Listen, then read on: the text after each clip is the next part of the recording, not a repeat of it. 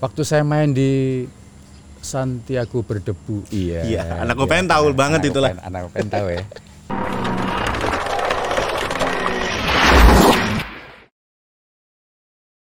Selamat datang di PSS Podcast dan seperti biasa barang aku Panji Rangi di Legend Talks kali ini.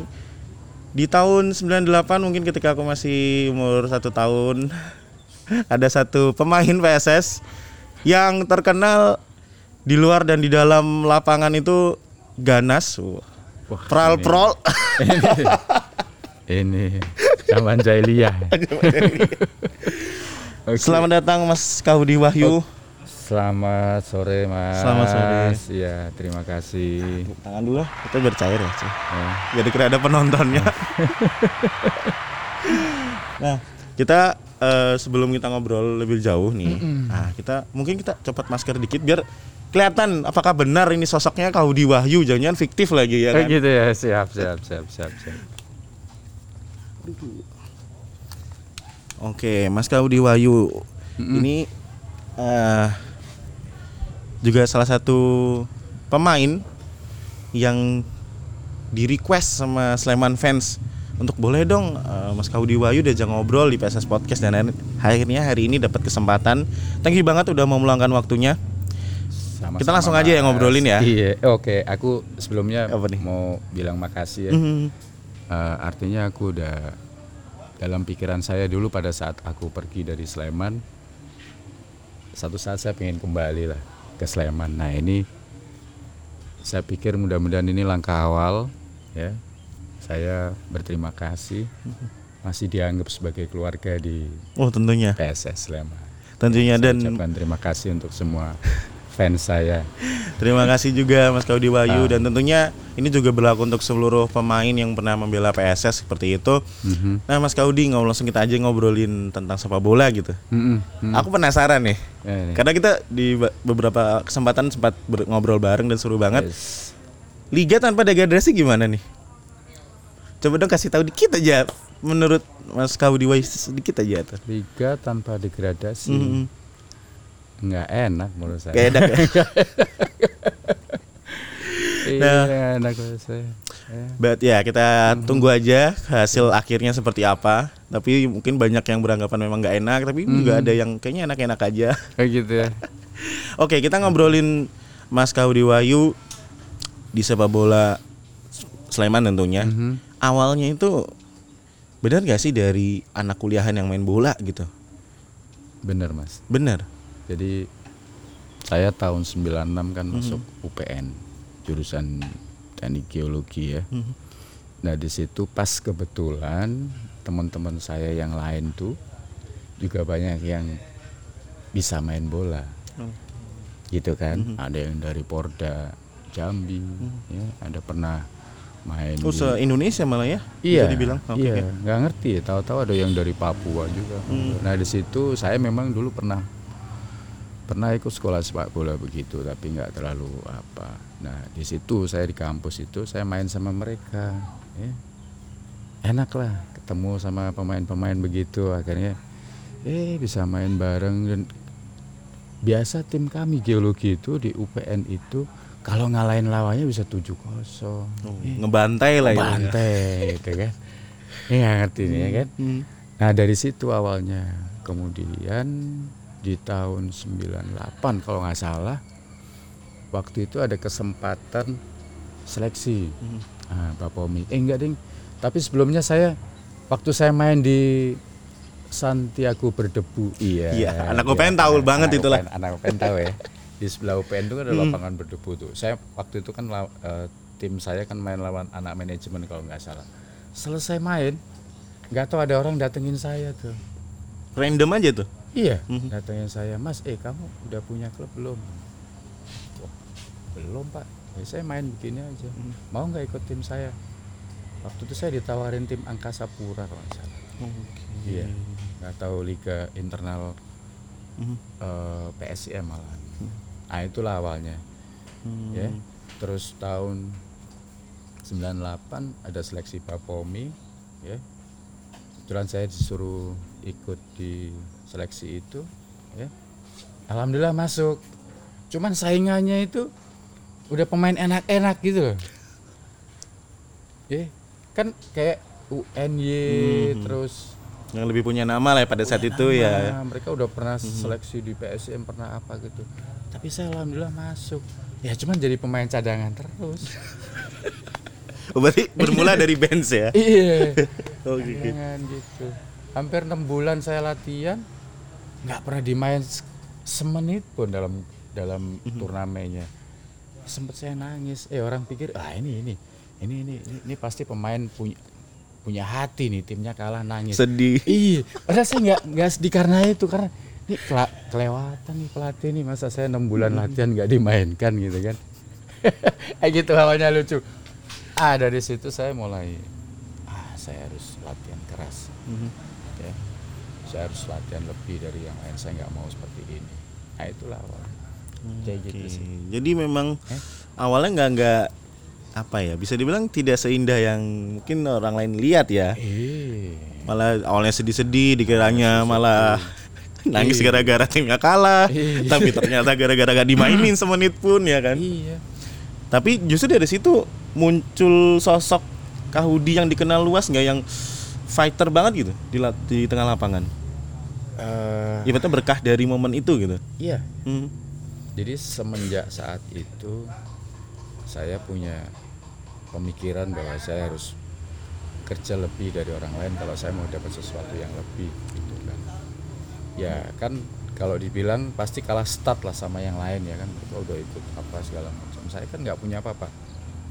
Artinya berbicara teknik dan skill main bola saya kalah sama yang lain.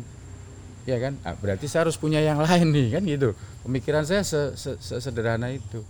Ya, akhirnya latihan terus, latihan terus. Akhirnya datanglah itu kesempatan ya. bisa ikut seleksi di mana? Pertama tuh di PSM apa? 18 atau 19 saya lupa. Ya terus ke Prapon, baru saya ke PSS Sleman. Ya itu. Jadi modal saya adalah modal semangat, ya, disiplin dan kerja keras. Saya nggak mau kalah itu aja modal saya. Jadi memang tipikal Kalau bicara- fighter ya. Iya, kalau bicara teknik udah pasti kalah sama yang lain gitu kan.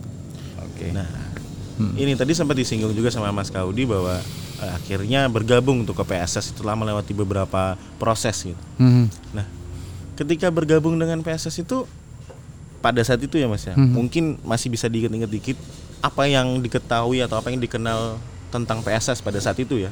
Mhm. Itu kan belum belum seperti hari ini gitu ya. Hmm. PSS dengan be- beberapa prestasi terakhir gitu. Tapi eh jadi saya kebetulan waktu saya kuliah itu saya udah melihat nama besarnya PSS ya, PSS, PSIM, PSS, PSIM. Bahkan saya lihat saya sama pacar saya, iya istri saya sekarang. Oh, istri ternyata. Oh, ini hampir-hampir mirip sama Mas Aksan ini kayaknya. istri saya sekarang saya melihat waktu itu ada pertandingan PSS lawan PSM di Stadion Mandala Grida gitu ya. Mhm. Ya saya lihat memang waktu itu sih memang PSM di masih kelihatan di atas Sleman ya. Tapi saya sering melihat nih pemain-pemain ini saya paling bareng mereka pada saat turnamen apa saya melihat mereka main luar biasa ya. Ada Lavan Lavran pribadi ya, ada Iksan eh, Muhammad Iksan, ada satu lagi em, Iksan Mustahid ya, ada M Musli. Kemudian nah ini yang paling kecil nih, M Ansori nih ya kan. Dengan namanya tuh bikin ketawa. iya. Saya dulu mikirnya nih Ansori ini kan pas saya lihat di Mandala ini ini memang masih anak kecil atau memang segitu. gitu. Iya. Tapi mainnya gila nih anak gitu kan. Nah, setelah itu saya melihat eh, lumayan ya animo PSS Sleman apalagi alhamdulillahnya di saat kami saya masuk di situ tahun pertama kita bisa naik ke divisi utama di sana. Nah, di situ tambah kelihatan bahkan kelihatan jadi kelihatan PSS-nya pada eh, P- PSIM ya nah, gitu. Nah, at the time juga Hmm. eh keberhasilan pada saat itu membawa PSS promosi tidak bisa dikatakan tidak terlalu didukung dengan finansial yang wah gitu ya. Iya, Tapi dari spirit ya kan ada Iya. spirit, ada teamwork, ada kebersamaan yang sangat terlihat gitu di dalam dan di luar lapangan. Itu benar nggak sih? Benar sekali Mas. Jadi kami dulu ya kalau bicara apa ya istilahnya finansial atau apa itu jauh lah. Kalau bicara dari sekarang, nah kebetulan waktu itu pemain-pemainnya kan banyak dari Sleman. Benar. Ya. ya siapa sih orang yang nggak bangga gitu ya membela tim daerahnya sendiri itu kan pasti apa kami nggak pernah mikirkan apa ya apa yang kita dapat gitu loh Hmm. kami masuk di PSS itu udah bangga banget gitu ya Eh, apalagi aku iya aku kuliah gitu kan kalau saya masuk kampus itu "Wih, pemain PSS wah Oh, jadi itu, Ah, itu juga, gitu. juga terjadi ya? Iya. Yang dialami juga dong. Iya Apa ya mungkin bisa dikatakan fame lah ya. Eh, maksudnya dari lingkungan terdekat gitu. Mhm, mhm, Iya. Pokoknya luar biasa lah. Em, kami bangga di PSS saat itu. Bangga sekali. Kami nggak pikir apa-apa buat kami ya. Yang penting kami main ya satu sama lain kompak ya. Nggak pernah nih. Nah, senior saya tadi Mas Iksan ya. Oke. Mas Eksan kalau teman-teman yang belum nonton episode khusus yang bareng Mas Eksan itu juga dia nyiptain nyiptain satu gol tuh ada proses yang lama dilalui baca Nah. surat itu Iya. sampai semalam suntuk. Nah, Mas Kaudi Mhm, eh, ngomongin debutnya Mas Kaudi mhm. itu kalau nggak salah juga tugas pertamanya seorang Kaudi Wahyu adalah menjaga Kurniawan. Yes. Bener. Benar itu. Yang bikin saya nggak bisa tidur malam itu. Kenapa kok nggak bisa tidur? Eh, siapa sih yang nggak tahu Kurniawan? Hmm. Oh ya pada saat itu emang Iya, Kurniawan pemain ya top lah, ya pemain nomor satu di Indonesia lah kalau saya yang tenornya kayak apa ya. Dan waktu itu saya sebenarnya kesempatan pertama kali saya sebelumnya kan saya di posisi pengganti ya. Iya. Ada satu senior saya namanya Dwi Wahyudi itu yang dia selalu di starting eleven. Nah pas uh, beliaunya sakit, saya dikasih kesempatan. Kurniawan musuhnya, nah itu dia. Iya, saya bisa mental tidur. juga berbicara dong. Iya pastinya. Mhm. Ya, makanya saya malam nggak bisa tidur. Tapi untung eh, coach almarhum coach Harno ya waktu itu dia panggil saya malam dia bicara, Gaudi besok kamu matikan Kurniawan ya. Siap coach. Kalau Kurniawan mau kencing, kamu ikutin kencing. Gila. Kurniawan turun, kamu ikutin dia turun. Oke. Kurniawan jongkok di pinggir lapangan, kamu ikutin dia. Itu pesannya beliau. Jadi saya nggak usah pikir yang lain, pikir Kurniawan aja, yang penting dia mati gitu. Mas. Aduh, dan itu memang Ya, Alhamdulillah. tapi di lapangan hasil akhirnya eh, bisa untuk menjaga Kurniawan untuk tidak Iya Kurniawan, banyak bergerak. Kurniawan nggak bisa bikin gol. Dia nggak bisa ngapa-ngapain. Nah, cuman yang bikin gol yang lain. Iya. Mungkin terlalu bagus salah Iya. satu pemain. Iya. Ya ternyata pemain lain yang bikin gol dan bikin kemenangan untuk tim lawan. Mm-mm. Tapi ya ya itulah eh, bagian dari perjalanan kita lah sebagai eh, Sleman gitu. Eh, Nah, untuk tadi juga sempat disebut tuh nama Mas Bagong Ansori terus juga ada Mas Eksan gitu. Hmm. Coba deh ceritain satu kenangan yang lucu atau cerita-cerita yang unik atau aneh-aneh nih dari dua pemain ini. Mas Bagong apa? Mas Eksan apa? Hmm, saya mulai Mas Iksan ya. Oke. Mas Iksan itu. Dancer ya dia. Mas Iksan tuh selalu hadir. Kayak eh, ketika mau mulai latihan dia selalu ceria ya. Bahkan dengan lucu-lucu. Karena ada satu teman tuh yang bikin apa suara musik apa namanya anggo ya. Yang kulon progo itu anggo ya. Eh anggo itu. Ada satu orang yang ngeluarin suara musik itu otomatis Mas Iksan itu langsung goyang gitu eh Eh, itu itu eh, Mas Iksan jadi selalu apa ya kalau kita lagi sedih beliau selalu ada ya menghibur kami orang yang nggak pernah marah itu saya saya bingung gitu Iya sih. Kalau bener nggak nggak? pernah marah. dia nggak pernah marah tuh mau main juga nggak pernah marah mau diapain lawan juga nggak pernah apa ya kalau latihan misalkan ya biasa kadang-kadang latihan kan anak-anak kadang terlalu semangat ya kadang-kadang kita hajar dia dia nggak pernah marah Ya. itu loh saya nggak ngerti dia tuh apa ya apa baterainya apa ya kira-kira Kayak benar-benar enjoy, benar-benar enjoy banget hidup banget sama sepak bola. Jadi kayak bawaannya ketawa terus happy terus gitu. Iya. Nah, dia itu bahkan saya sempat jadikan dia itu sebagai apa ya? Kalau sebelum main tuh. Hmm. Kalau sebelum main itu kan ada biasanya pagi kita pemanasan gitu. Saya tuh lihat Mas Iksan tuh, kalau pagi dia udah cerianya udah apa itu? Moodnya udah kelihatan, udah pasti tim saya menang nih. Udah pasti PSS menang. Iya. Tapi kalau kalau nggak kayak biasanya agak agak kaku-kaku, wah ini. Tanda-tanda. Iya bahaya nih. Jadi bisa jadi patokan dan ya dia sering kasih masukan ke pemain-pemainnya. Itulah sosok M Iksan yang memang harus diakui dia memang apa goal getter dulu ya. Goal getter. Sebelum datangnya Coach Seto ya Mhm. Iksan. Sama ini ya ini si Gesit Irit nih. Gesit irit. Gesit irit lincah. Eman, Eman sorry, Eman sorry. Em, kalau nggak Emiksan, Ansori. Ya. Tapi Ansori ini orangnya agak sedikit kaku, ya.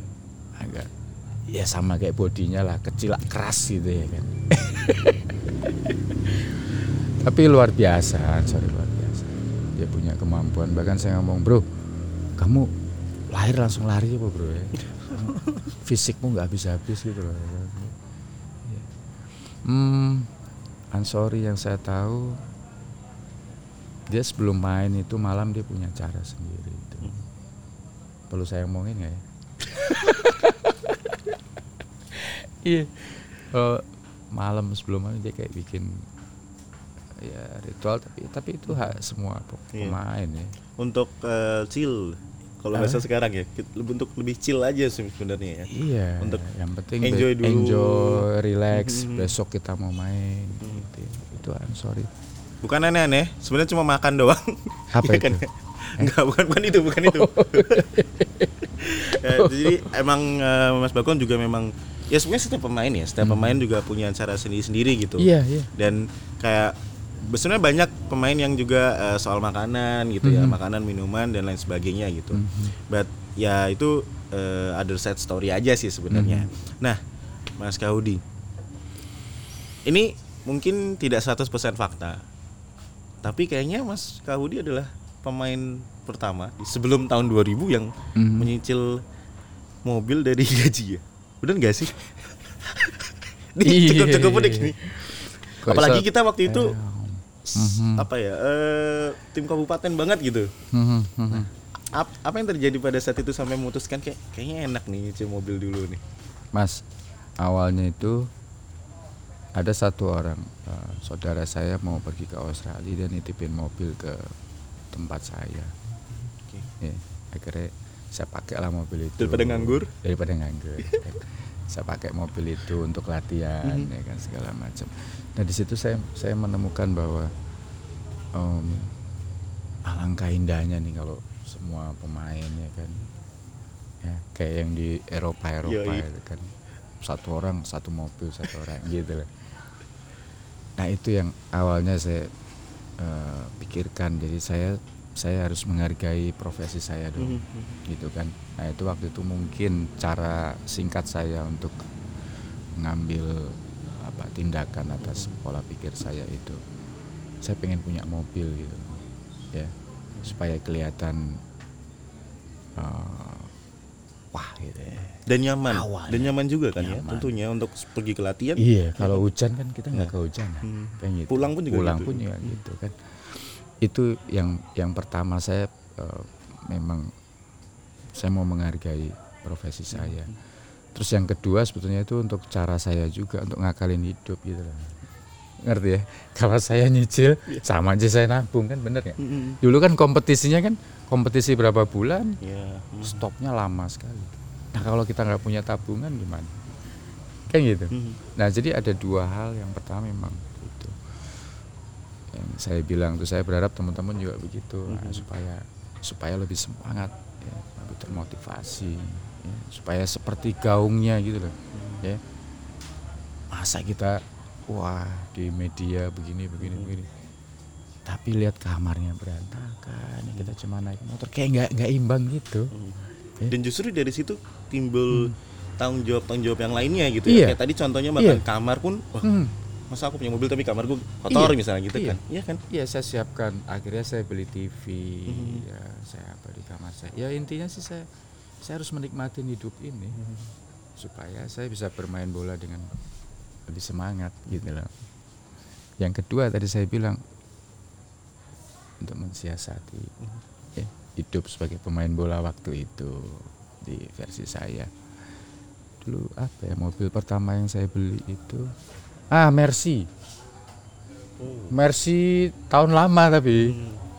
apa mas Mercy tahun lama 90 sebelum itu tahun 9 Ih, Sebelum 2000 kan? Itu Mercy tahun lama, 80-an. Mercy kuno. Mercy yang kuno penting ya? yang penting mobil aja gitu.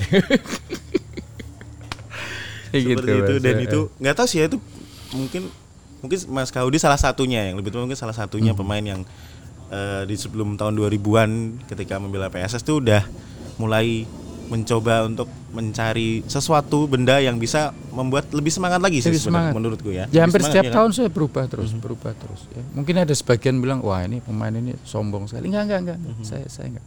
Saya enggak sombong, saya enggak punya niat untuk pamer sama yang lain, enggak. enggak. Kalau sombong pun beli yang paling keluaran terbaru saat itu dong harusnya ya. Enggak cukup. Dan nggak sih nyicil lagi. Enggak cukup. Memang. Iya. Ya, itu tadi motivasinya cuma Hmm. dua itu. Nah, terus selain soal mobil, ada juga yang bikin orang tuh kayak ah ini kenapa ada pemain kayak Mas Kaudi Wahyu gitu ya. Tapi in the good way ya. Soal pendidikan, Hmm. ya kan eh maksudnya dari jauh dari fans yang lihat itu kan oh kok ada ya pemain eh, hingga bisa S2 nih gitu. Tapi semua orang bisa melakukan itu maksudnya. Cuma motivasi atau apa alasan pada saat itu sedang bermain bola tapi juga mengambil studi S2 bahkan hingga studi S2 gitu. Mm, mm, mm. Oke, yang pertama eh, memang saya datang ke Jogja itu kan untuk sekolah. Itu sebenarnya yang saya terapkan bahwa hidup itu harus ada skala prioritas. Orang tua saya nyuruh saya ke sini kan untuk sekolah. Pada akhirnya saya main bola kan. Ya, ya kebetulan dulu. Pada saat saya S1 em, ya saya nggak pernah tinggalkan yang namanya kuliah. Apa pun itu. Ya termasuk pada saat saya KKN di mana? Kulon Progo ya saya Tempat harus Mas Iksan iya tempat Mas Iksan saya harus latihan. Hmm. ya malam saya harus pulang lewat selokan Mataram ini. Ya karena saya merasa bahwa ini sama orang tua saya saya suruh, suruh kuliah. Hmm. Ah, saya harus selesaikan kuliah itu. Gitu kan. Kemudian setelah itu selesai saya saya, saya muncul keinginan bahwa yang tadi motivasinya memang saya harus lebih dari orang lain. Ya apa yang saya lakukan harus lebih dari orang lain. Ya nah kebetulan juga ini ada ada bocoran dulu kan ah ini agak agak agak sedikit jadi dulu mertua saya kan sebenarnya kan melarang istri saya tuh menikah dengan dengan pemain bola gitu kan. pemain bola. Ini sangat sering terjadi dalam drama percintaan pemain bola Indonesia. Ah, Main bola. Akhirnya saya ah, nah, saya mau kasih tahu sama mereka Hmm. bahwa saya tetap nanti harus bekerja. Gitu. Ya, saya harus bekerja makanya saya harus kuliah S2 Hmm. supaya kan saya udah ketinggalan nih di S1-nya saya harus kuliah S2. Kayak gitu. Dan selain itu memang saya itu orangnya yang tadi saya ngomong, saya orangnya selalu mikir kakean mikir opo-opo dipikir gitu. jadi ya ya itu kayak gitu ya mas jadi saya Hmm. eh, pengen berbuat lebih dari yang lain dan ini saya sampaikan sekali lagi walaupun saya S2 bukan berarti saya lebih pintar dari pemain lain ya. saya hanya mau mengambil kesempatan aja. Ya dulu sempat beberapa televisi itu ngasih tahu saya bahwa kamu berarti pemain yang pintar. Eh enggak. Saya mungkin ada pemain lain yang lebih pintar dari saya gitu ya. Cuman saya mau ngambil kesempatan itu ya. Dan saya punya tujuan lain dalam hidup saya. Itu sih mas Nah, seperti itu. Heeh. Kayaknya buat Eh, ini teman-teman. adik-adik dari di luar sana yang ingin jadi pemain bola, Hmm. ya kan? Siapa tahu kalian juga mengalami drama percintaannya Mas Kaudi.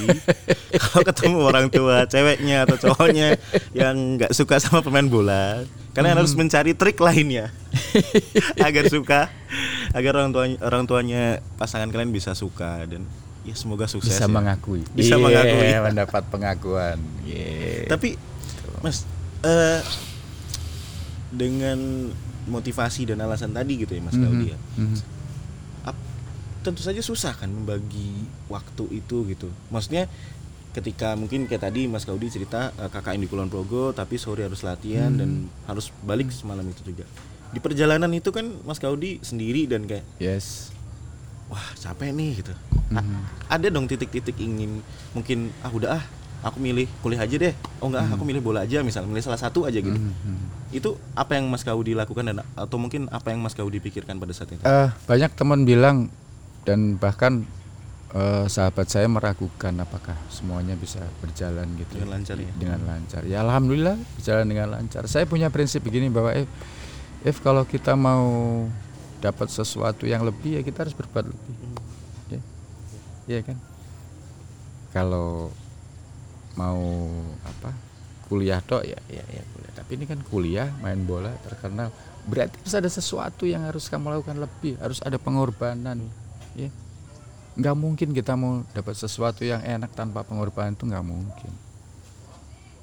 Jadi itu itu salah satu prinsip ya, ya mungkin. Ini ini common sense. Ini ini, ini secara secara pakai naluri biasa aja kita bisa terjemahkan bahwa ya hukum seperti hukum alam. Kalau kita mau dapat lebih ya kita harus bekerja lebih dari yang lain. Ya benar nggak broku? So simple. eh so simple. So simple. so simple. Lah kalau nggak mau dapat mau dapat lebih nggak mau kerja itu artinya?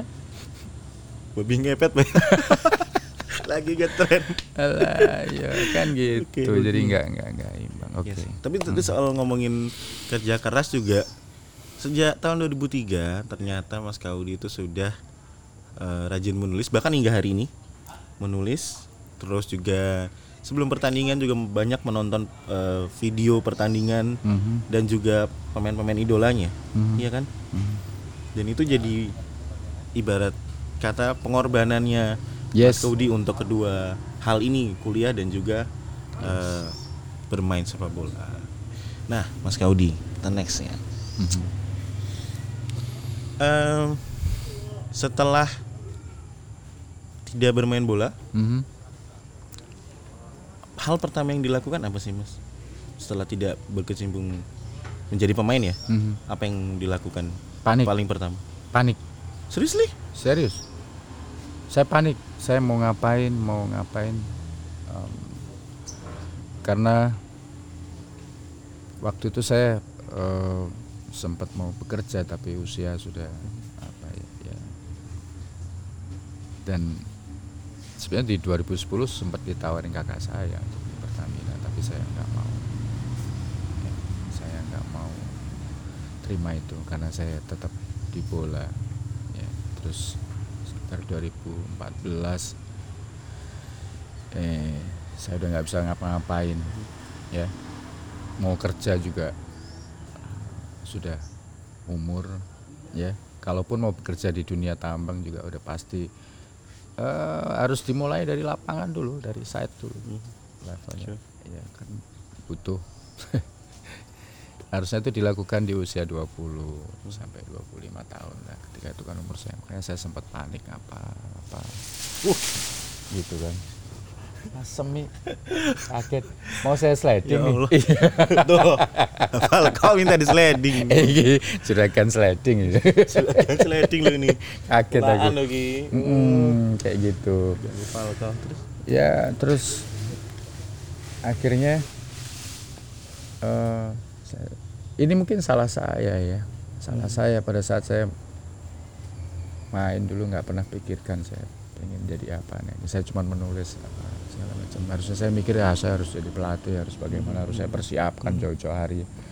Gitu. Nah ini saya nggak nggak pikirkan itu. Panik. Akhirnya hampir empat tahun saya nggak ada penghasilan ya ke sana kemarin. Ya, ya, numpang di sana kumpul-kumpul sama temen.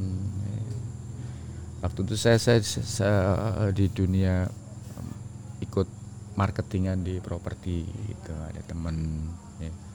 kadang-kadang saya bilang saya saya mau cari tanah gitu. Uh yang nyari langsung banyak. Betul kiranya kan uang saya banyak mantan pemain. Padahal saya sudah nyarikan orang iya. Ya kayak gitu yang masa-masa saya lewati empat tahun. Sampai di titik akhir saya tinggal satu rumah saya yang eh, memang itu rumah saya yang saya dapat dari main bola ya, itu akhirnya harus saya saya elakkan untuk saya jual. Ya. nah situ saya mulai baru saya mulai beli tanah ya. kayak gitu. Beli tanah kemudian saya putarkan lagi saya putarkan lagi. Ya sampai sekarang masih itu masih saya gelutin. Selain sebagai pelatih kemarin saya terakhir pelatih di Persis Solo kan Dan Gitu. kalian kalau ingat kemarin ada pertandingan ya siap gitu aja lah tahu sendiri. Oke, nah eh, sebagai pelatih akhirnya sempat menjadi pelatih di salah satu tim sepak bola Indonesia tentunya. Hmm. Em, apa sih pendapatnya Mas Kaudi soal youth development gitu? Hmm.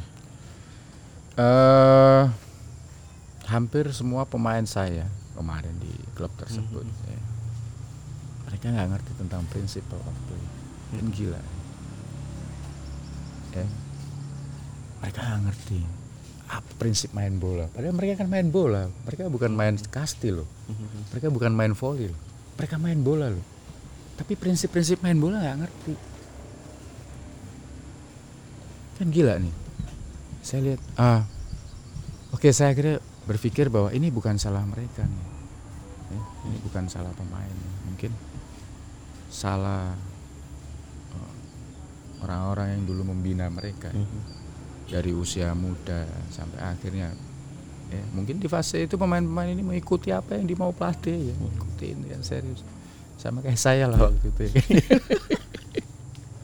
Kayak cerita di awal. akhirnya eh, ya saya mikir ah nggak bisa kita terbelenggu dengan keadaan. Ya saya coba mulai. Walaupun mereka secara umur biologisnya sudah level di top level tapi pasti saya yakin pasti ada cara untuk bagaimana eh, memberikan treatment latihan buat mereka. Ya fokus saya hanya di eh, apa namanya principle of play jadi development of principle of play itu karena eh, sebenarnya hampir sama dengan kehidupan ya sepak bola itu ya. jadi Sebuah filosofi. ya? sebuah filosofi filosofi saya jadi ketika orang punya prinsip hidup yang kuat pasti dia akan ngambil keputusan dengan tepat ya ya kan Hmm. benar nggak bro Yo, iya udah. ya kita tinggal hitungan Iya. hitungan detik ya. Iya, apalagi di sepak bola. Apa yang terpenting dalam sepak bola? Pengambilan keputusan, bukan fisik, bukan kecepatan, ya. Tapi pengambilan keputusan itu yang paling penting dalam sepak bola. Nah, bayangkan kalau kita nggak punya prinsip, yang ngambil keputusan tapi ya salah terus. Terkesan ngawur. Iya, mungkin bisa seperti itu. Ya. Eh, dalam sepak bola situasinya cepat berubah. Eh, kamu dalam satu detik, dua detik, tiga detik harus cepat ngambil keputusan.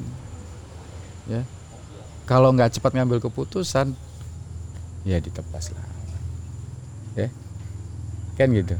Nah bagaimana kita supaya ngambil keputusan uh, dengan cepat dan tepat? Ya yang pertama yang harus kita tahu adalah prinsip of play dulu. Prinsip bermain sepak bola. Ya kan gitu kalau dalam kehidupan ya masih ada waktu. Itu pun dalam hidup kita harus punya prinsip prinsip yang kuat ya. Kayak tadi ada beberapa yang saya sampaikan itu kan bagian dari prinsip ya.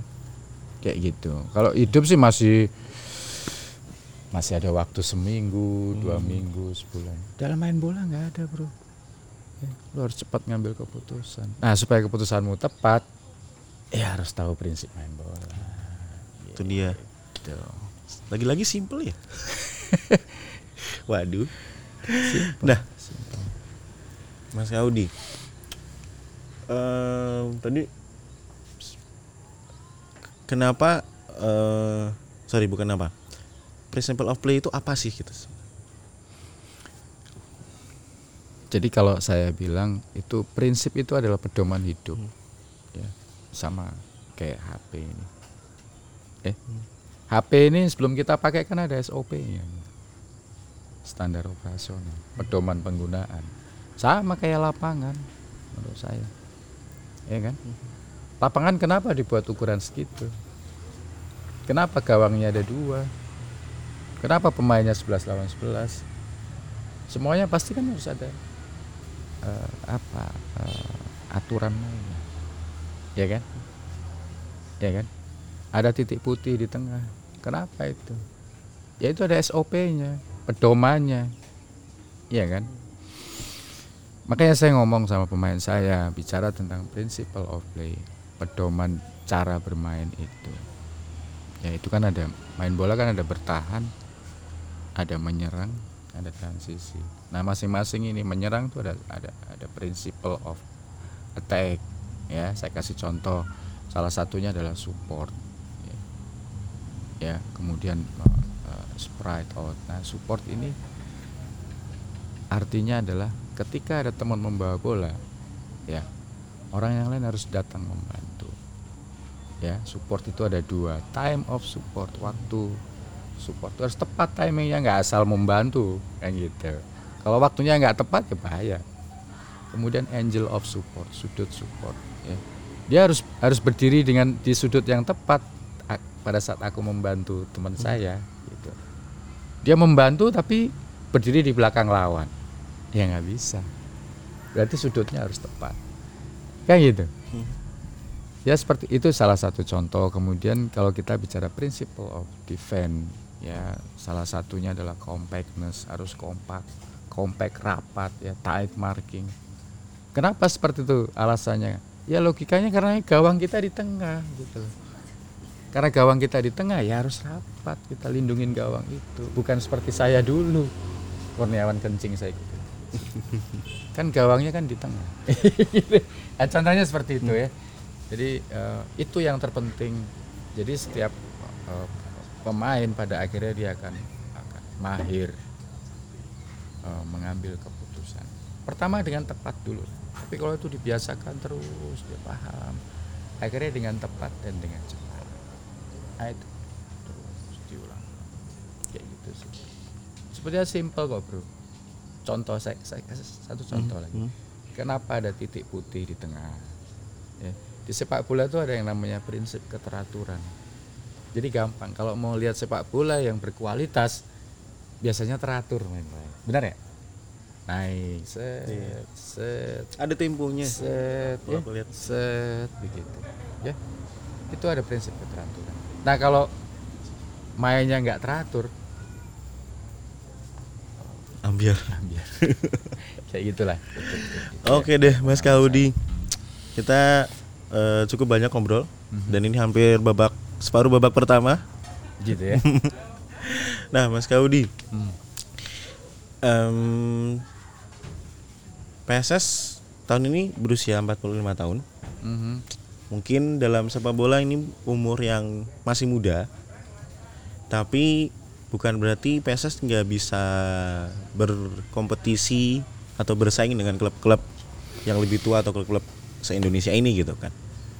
Nah, Mungkin ada yang ingin Mas Kaudi sampaikan atau ceritakan atau kepada Sleman fans eh, kepada seluruh pendukung PSS di mana pun mereka berada gitu di usia yang ke-45 tahun ini mungkin harapannya Mas Kaudi apa boleh diceritakan. Oke, untuk PSS Sleman, jadi em, tetap semangat, ya, tetap lakukan yang terbaik untuk eh, klub ini.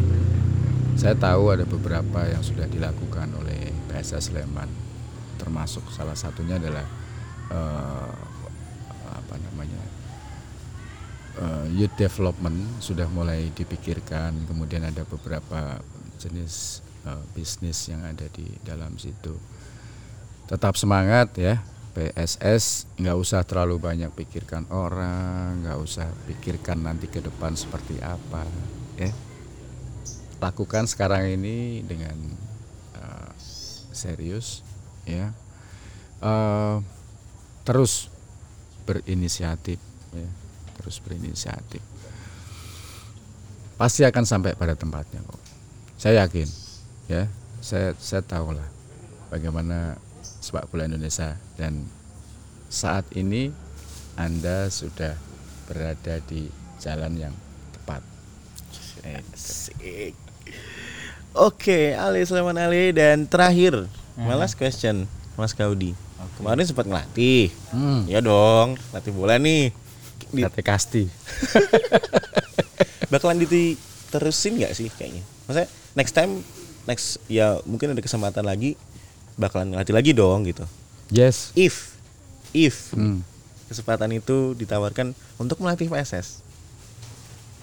Jawabannya adalah ya atau tidak nih kira-kira? dengan Siap senang hati. kembali. Dengan senang Dengan hati. senang hati. Karena niatan saya yang pertama saya pergi dari PSS, ya, saya harus kembali lagi pada saatnya nanti ke PSS. Doain aja, Amin. ya. Saya akan mudah-mudahan saya bisa terus belajar dan pada akhirnya bisa kembali ke PSS Sleman. Oke. Gitu. Doa. saya mohon doa restunya semuanya, teman. Amin. Dan Sambil saya ketika belajar dulu.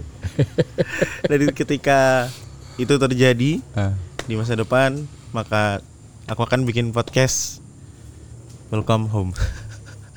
Buat Mas Kaudi. amin, Amin. amin, amin, amin.